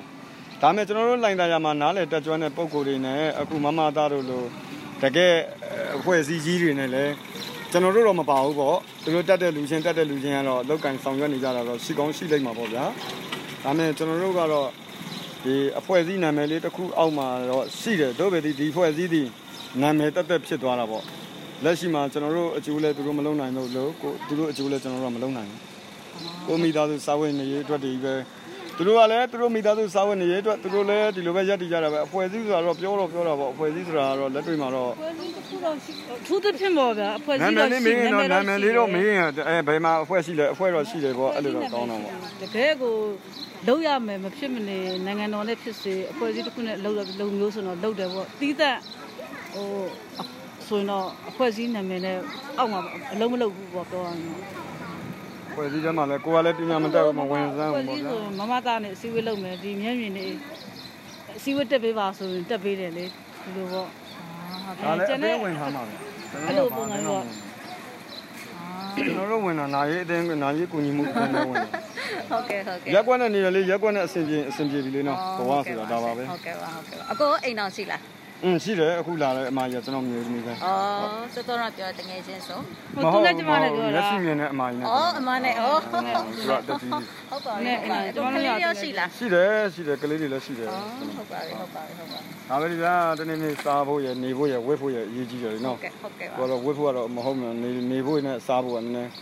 ရုန်းကန်ရတာပေါ့လေဟုတ်ကဲ့ပါဟုတ်အဆင်ပြေကြတယ်တော့မဟုတ်ပင်မဲ့လို့လေ ကိုကဒါပဲအလုပ်လို့သဘောထားတယ်ဒါကိုပဲလုပ်ရတော့တာပေါ့ဒီဇိုင်းမမှန်ပေါ့ဟုတ်ကဲ့ပါဟုတ်ဟိုဘာလို့လဲလဲဆိုတော့ကျွန်တော်တို့တက်တဲ့ပညာအစိုးရပညာအခုချိန်မှာတကယ်နေလားငါလား professional ကြီးတွေလို့ခင်ဗျားတို့တီးမလားကျွန်တော်တို့ဝိုင်းထောင်ပေးမယ်ဆိုလည်းမတီးနိုင်တော့ဘူးဟုတ်ကဲ့ဟုတ်အသက်အရွယ်ပိုင်းခြားအားဖြင့်လည်းပဲဟိုဘာသာပြန်အင်္ဂလိပ်ဘာသာပြန်လုပ်ငန်းတွေလည်းကျွန်တော်တို့မလုပ်တတ်ဘူးပညာလည်းအဲ့လောက်မတတ်ခဲ့ကြဘူးလေနော်ဟုတ်ကဲ့ပါဟိုကအကျိုးပေးဒီလောက်ဒီလောက်ပဲရှိတာဟုတ်ဟုတ်ကဲ့ဆိုတော့အဲ့လိုလေးပဲရက်တည်ကြတာပေါ့ဗျာဟုတ် အခုလိုဖြေချပေးတဲ့အကုန်လည်းအမကိုကျေးဇူးတင်ပါတယ်လို့ကျွန်မပြောချင်ပါတယ်ဟုတ်ကဲ့အထူးသဖြင့်ကျွန်မတို့ကဒီလိုအတန်တွေများများဖော်ထုတ်ချင်တဲ့အတွက်ဒါစ조사ပြီးတော့ညီမတို့ကလည်းချိတ်ဆက်ဆောင်ရွက်တာပါလို့ဒါဟိုရှင်းရှင်းပြောရတော့ကြုံတုံးကိုကျွန်မ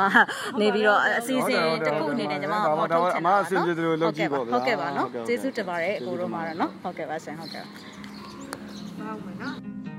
မိတ်ဆွေတို့ရေလမ်းပေါ်ကတချင်းတဲ့ကောင်းစင်နဲ့ပတ်သက်ပြီးပါဝင်ဆွေးနွေးပေးကြမဲ့သူတွေများပြားတဲ့အတွက် ပထမပိုင်းကိုဒီမှာရင်ပဲရှင်းနာခွင့်ပေးပါရှင်။နောက်လာမယ့်အပိုင်းများမှာမတန်ဆွမ်းလူငယ်အဆိုရှင်များရဲ့သုံးသက်ချက်တွေနဲ့အတူအဆိုတော် Cherry သင်းရဲ့ကိုရွေးဝေမျှမှုတွေအပြင်မတန်ဆွမ်းနေပေဆုံးကပညာရှင်များရဲ့ရှုမြင်သုံးသပ်မှုတွေကိုလည်းနားဆင်ရအောင်မှာဖြစ်တဲ့အတွက်ကျမတို့ရဲ့ podcast အစီအစဉ်တွေကိုလက်မလွတ်ဖို့ MCA Network Page ကို like ဒါမှမဟုတ် follow လုပ်ထားနိုင်ပါတယ်။ ဒါပြင်မိတ်ဆွေမှာ Anchor account ရှိနေရင်လည်းကျမတို့ရဲ့အစီအစဉ်ကို follow လုပ်ထားလို့ရပါတယ်။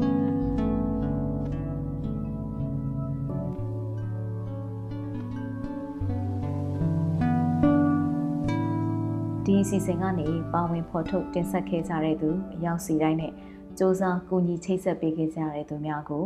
MCA Network အနေနဲ့အထူးပဲကျေးဇူးတင်ကြောင်းဒီနေရာကနေကာရဝတရားရှိထားပြီးပြောကြားလိုပါတယ်။ ယခုအစီအစဉ်ကိုမိတ်ဆွေတို့အနေနဲ့အဆအဆုံးနားထောင်ပြီးပြီဆိုရင်တော့မိမိတို့ရဲ့သဘောထားမှတ်ချက်များကို Anchor မှာအတန်နဲ့စာနှစ်မျိုးလုံးနဲ့ဖြစ်စေ Facebook မှာစာနဲ့ဓာတ်ပုံနှစ်မျိုးလုံးနဲ့ဖြစ်စေပေးနိုင်ပါပြီနော်။ဒီအစီအစဉ်နဲ့ပတ်သက်ပြီးမိတ်ဆွေတွေရဲ့မှတ်ချက်ပေးခြင်းအကြံဉာဏ်ပေးခြင်းမေးမြန်းခြင်းတို့ကိုလည်းအထူးပဲဖိတ်ခေါ်ပါတယ်မိမိတို့ရဲ့ပူးပေါင်းတင်ဆက်မှုအတွက်ဒါမှမဟုတ်စုံစမ်းမေးမြန်းမှုအတွက်စိတ်ဝင်စားတယ်ဆိုရင်တော့ မြန်မာ cinemability@gmail.com ဒါမှမဟုတ်တင်ဆက်သူများရဲ့ Viber နံပါတ်များဖြစ်တဲ့ကိုပြည့်39 26125649နဲ့မနွေ39 45333633တို့ကိုဆက်သွယ်ဆောင်ရွက်နိုင်ပါတယ်။မိတ်ဆွေတို့အနေနဲ့ဒီအစီအစဉ်ကိုမသိသေးသူများသိဖို့လိုအပ်နေသူများ မတန်ဆွမ်းရေးကိုမိမိတို့ရဲ့လုပ်ငန်းခွင်အသီးသီးမှာထည့်သွင်းဆောင်ရွက်ဖို့စိတ်ပါဝင်စားသူမည်သူကိုမဆိုထပ်ဆင့်ဝေမျှပေးရင်တရင်ကောင်းပေးနိုင်ပါတယ်။မြန်မာပြည်သူပြည်သားအားလုံးမတန်ဆွမ်းမှုအသိပညာတွေတိုးပွားကခွဲခြားဆက်ဆံမှုကင်းပြီးအားလုံးအကျုံးဝင်တဲ့လူမှုအတိုင်းအဝန်တစ်ခုကိုအမြန်ဆုံးဖော်ဆောင်နိုင်ပါစေလို့ဆန္ဒပြုရင်းဒီကနေ့အစီအစဉ်ကိုဒီမှာတင်ရနာပါရစေ။သောတာရှင်အားလုံးနေ့ရက်အသက်တိုင်းမှာ ကောင်းခြင်းမင်္ဂလာပေါင်းများစွာရယူပိုင်ဆိုင်နိုင်ပါစေလို့လည်းကျွန်မကဆုတောင်းမေတ္တာပို့သအပ်ပါတယ်။နောက်အပတ်စနေနေ့ည9:00နာရီမှာပြန်ဆောင်ကြရအောင်နော်။